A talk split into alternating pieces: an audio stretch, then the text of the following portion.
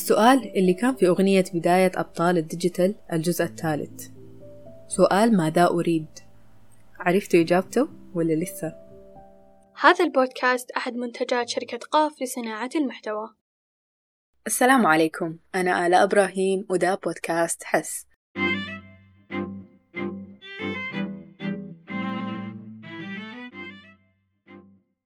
تطرقنا في الحلقات الماضية كثير عن المشاعر وتعريفاتها أنواعها ومسبباتها وتفاصيل أكثر.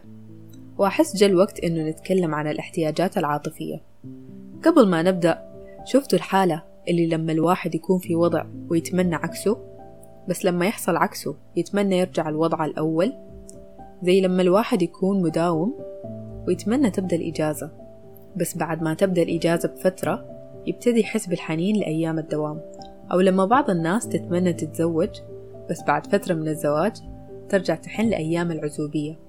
واحد من الأسباب ليه الحالة دي بتحصل لأنه كل وضع من الاثنين بيلبي عندنا احتياج معين. قد ما يتوفر في الوضع الثاني. فالفترة اللي بنكون فيها في الوضع الأول واحتياجاتنا ملباة بطريقة طبيعية بننساها وبنبتدي نركز على الاحتياجات اللي ما قادر الوضع الأول يلبيها. فبنتمنى الوضع الثاني. بس الوضع الجديد ما بالضرورة يكون قادر يلبي نفس الاحتياجات اللي كان متكفل بها الوضع الأول. فبنخش في دوامة من تمني الأوضاع لتلبية الاحتياجات المختلفة. بس شنو هي احتياجاتنا يا ترى؟ حذكر في الحلقة قائمتين للاحتياجات. الأولى للاحتياجات العامة والثانية مختصة بالاحتياجات العاطفية تحديدا. نبدأ بالقائمة الأولى اللي هي هرم موسلو للاحتياجات. اللي بيقسم فيها عالم النفس إبراهام موسلو الاحتياجات لخمسة أقسام في شكل هرم. في القاعدة بتوجد الاحتياجات اللي ما بيختلف عليها اثنين اللي هي الاحتياجات الفسيولوجية زي احتياجات المأكل، الملبس، الحاجة للنوم والتنفس وغيرهم من الاحتياجات اللي لو ما لبيناها أبدا حتكون النتيجة حتمية وهي الموت أو الهلاك. عشان كده الاحتياجات الفسيولوجية بتشكل أكبر قسم في الهرم. القسم الثاني هو الحاجة للشعور بالأمان سواء كان أمان جسدي، نفسي، وظيفي، صحي، أمان من الحروب، أمان من الجريمة، أي نوع أمان ممكن يخطر على بالكم. في القسم الثالث حنلقى الاحتياجات الاجتماعية. طبعا كلنا عايزين يكون عندنا أصدقاء يكون عندنا شركاء حياة نحبهم يحبونا. عايزين نكون أسرة أو نكون ضمن أسرة. أو نكون أفراد في جماعة ننتمي ليها. نتشارك فيها تشجيع فريق معين أو حب هواية معينة. مستعدين نخترع أي رابط بسيط يجمعنا بناس تشبهنا. يا أخي الاحتياج الاجتماعي ده مهم لدرجة إنه اخترعوا ذكاء اصطناعي يلعب دور شريك أو شريكة الحياة زي اللي مثلوه في فيلم هير كله بس عشان يتلبى الاحتياج الاجتماعي العاطفي ويظل عدم توافر الشريك البشري المناسب. هل ممكن تتقبلوا فكرة اللجوء للذكاء الاصطناعي لتلبية الاحتياجات الاجتماعية؟ ادوني رأيكم في التعليقات عن الموضوع ده. القسم الرابع هو احتياجات تقدير الذات اللي هي الحاجة إنه نحس الناس حوالينا مقدرانا وإنه يكون عندنا قوة ومنصب واحترام بين الناس. وعلى سيرة الاحترام حابة أشارك مفهومي عنه على السريع واللي هو في الحقيقة مفهومين اتنين. واحد اكتسبته من البيئة اللي حواليني وواحد استوعبته لما كبرت الأول الاحترام بمعنى الأدب والأخلاق والتهذيب. فلما نقول احترموا الكبار نقصد عاملوهم بأدب. ولما نقول مثلا أساس العلاقات الناجحة هو الاحترام المتبادل نقصد إنه ما يكون فيها سوء أدب في التعامل. فبيبدو زي كأنه الاحترام حق وواجب. حقنا كلنا إنه نعامل باحترام. وواجبنا كلنا تجاه بعض نعامل بعض باحترام. باختصار الاحترام المفروض شي نحصله مجانا حسب المفهوم ده. أما المفهوم الثاني هو الاحترام بمعنى التقدير والتعظيم. زي لما نكتب في الرسائل عزيزي فلان الفلاني المحترم. ده أسلوب تقدير. أو لما مثلا أقول يا أخي فلانة كبرت في عيني لما ما رضيت نتكلم عن الناس بالسوء. احترامي ليها زاد. أو مثلا أقول والله بحترم فلان ما عمره وعدني وأخلف وعده. المفهوم ده عن الاحترام ما واجب ولا حق بل استحقاق بعد سعي. فما المفروض نتوقع من الناس تحترمنا احترام التقدير بدون ما نسعى للحاجة دي؟ كسب احترام الآخرين بيبدأ من احترامنا لأنفسنا. وإننا ما نرضى نطلعها بشكل أقل من لائق عشان الناس تقدر تستشعر احترامنا لذواتنا وتبدأ تحترمنا. بالتالي نشبع احتياجنا النفسي للاحترام والتقدير. القسم الأخير في هرم موسلو للاحتياجات هو الحاجة لتحقيق الذات.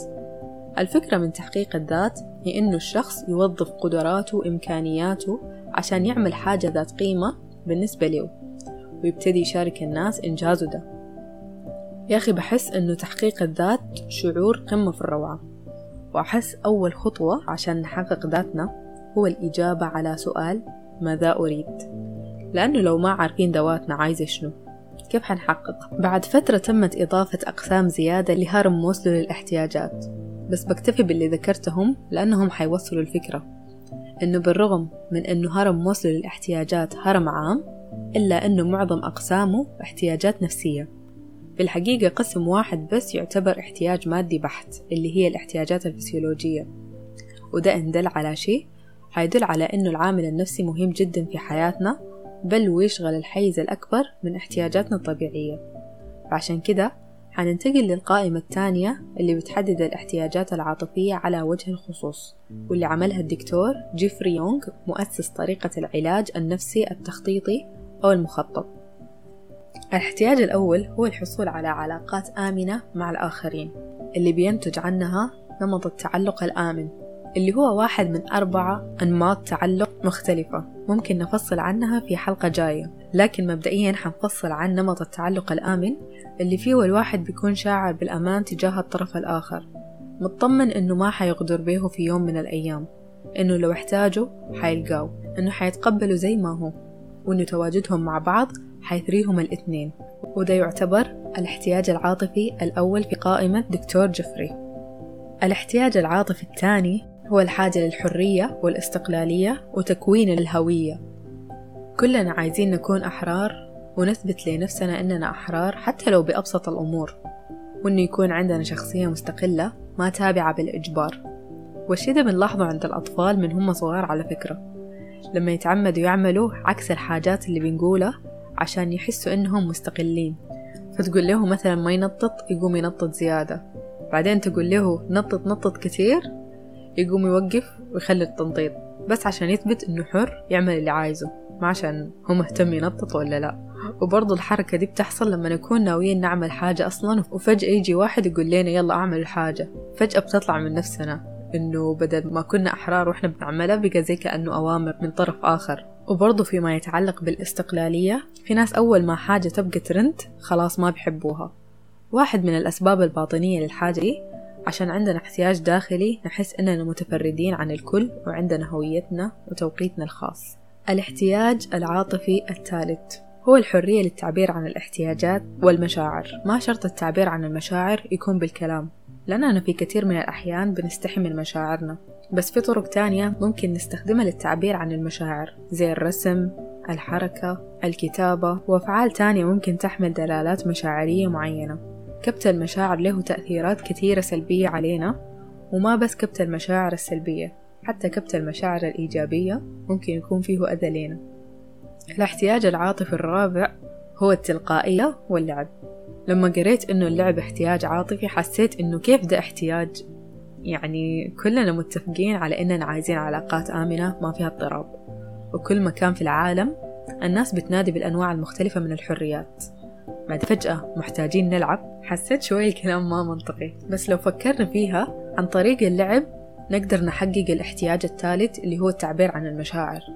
فالواحد وهو بيلعب بيكون في واحد من أكثر حالاته عفوية وتلقائية. وأي مشاعر بتظهر عنده بيطلعها بشكل تلقائي وعفوي. هل عمركم فزتوا في لعبة وحاولتوا تمسكوا شعور الفرح؟ اللعب بيديكم الحرية إنكم تعبروا عن المشاعر بسرعة خصوصا إنه اللعب مرتبط عندنا بأيام الطفولة أيام ما كنا عفويين وبنتصرف على طبيعتنا. فلما نلعب وإحنا كبار بترجع لنا نفس الروح الطفولية اللي فيها بهجة ومرح وخفة. وبرضو اللعب ممكن يساعد على تفريغ المشاعر السلبية. ومع أننا عادة بنعتبر اللعب حاجة ما منها فايدة لكن لو ركزنا حنلقى أغلب الألعاب بتتحدى عندنا مهارة معينة. يعني يا إنها تكون ألعاب تركيز يا ألعاب استراتيجيات يا ألعاب بتركز على مهارة حركية معينة. ألعاب ذكاء مسابقات وتحديات أنواع كثيرة من الألعاب كلها بتتحدى مهارات معينة. بس المميز في اللعب إنه بيخلي من الجدية والصرامة وبيخلينا نتخلى عن اعتبارات كثيرة كنا شايلينها معانا في الحياة العادية. آخر احتياج عاطفي هو وجود حدود معقولة وضبط النفس لأنها بتساعد على التهذيب وبدون الحدود والقواعد حتكون الحياة مشتتة وضايعة وما حنكون مرتاحين نفسيا. لذلك سبحان الله القرآن وضح ضوابط وأحكام وتفصيلات لأبسط أمور الحياة زي الأكل مثلا. فأمرنا الله سبحانه وتعالى بالأكل والشرب بدون الإسراف. وأحس أهم حاجة في النقطة دي إنه يكون كل القواعد والأوامر لها سبب معين عشان نفعل حرية الواحد لاتخاذ القرار. عشان كده كل الأوامر اللي أمرنا بها الله سبحانه وتعالى في القرآن كان معاها التعليل. فلما الله سبحانه وتعالى قال ولا تجعل يدك مغلولة إلى عنقك ولا تبسطها كل البسط علل بعديها السبب فقال فتقعد ملوما محسورا فالله ما بدي أوامر بدون تعليلات. وأحس كل القواعد اللي حنتبناها في حياتنا مفروض يكون عندها تعليل معين ما قاعدة لمجرد إنها تكون قاعدة. وبكده بتكون انتهت قوائم الحلقة دي. حبيت أذكر الاحتياجات العاطفية لأنه زيها زي الاحتياجات المادية. عدم تلبيتها بيأثر علينا تأثير سلبي. بس أحيانا إحنا بنقصر فيها لأنه التأثير السلبي ده ما بيكون الوفاء. فبنقدر نتعايش بدونه في حياتنا. لكن حلو نعرفها عشان نسعى لتلبيتها عندنا وعند الآخرين. فنقدر نقدر الآخرين ويقدرونا نعبر عن نفسنا ونطلع إبداعنا. وندي الآخرين الحرية والمساحة يعبروا عن نفسهم. نكون إحنا وأصدقائنا وأحبائنا مصدر أمان لبعض في علاقاتنا. وعلى سيرة الأمان فده هو شعور الحلقة. اخترته كشعور للحلقة؟ لأن وجود الأمان أساسي لتلبية معظم الاحتياجات العاطفية. العلاقة الآمنة من اسمها محتاجة أمان وعشان نقدر نعبر عن مشاعرنا بأريحية ونلعب ونكون عفويين محتاجين برضو نحس بالأمان. وزي كل المشاعر بتختلف مصادر الشعور بالأمان من شخص لآخر. فممكن يكون مصدر الأمان عندي شخص كل ما أحس الحياة ضاقت علي ألقى في كلامه السعة والطبطبة. أو مكان يأويني ويحتويني وما أظن في أحلى من الوطن أو غرض أو صوت أو حتى فكرة تطمني إنه كل اللي قاعدة أمر به حيعدي هل بتلاحظوا التفاصيل الصغيرة اللي بتحسسكم بالأمان؟ زي إنه لازم باب الغرفة يكون دايما مقفول أو إنكم بتشغلوا نفسكم بتصفح مواقع التواصل في التجمعات الاجتماعية الكبيرة إنه لازم يكون في صوت شغال حوالينكم حتى لو ما قاعدين تسمعوه وغيرها طرق كتير. شاركونا تفاصيلكم الصغيرة اللي بتحسسكم بالأمان.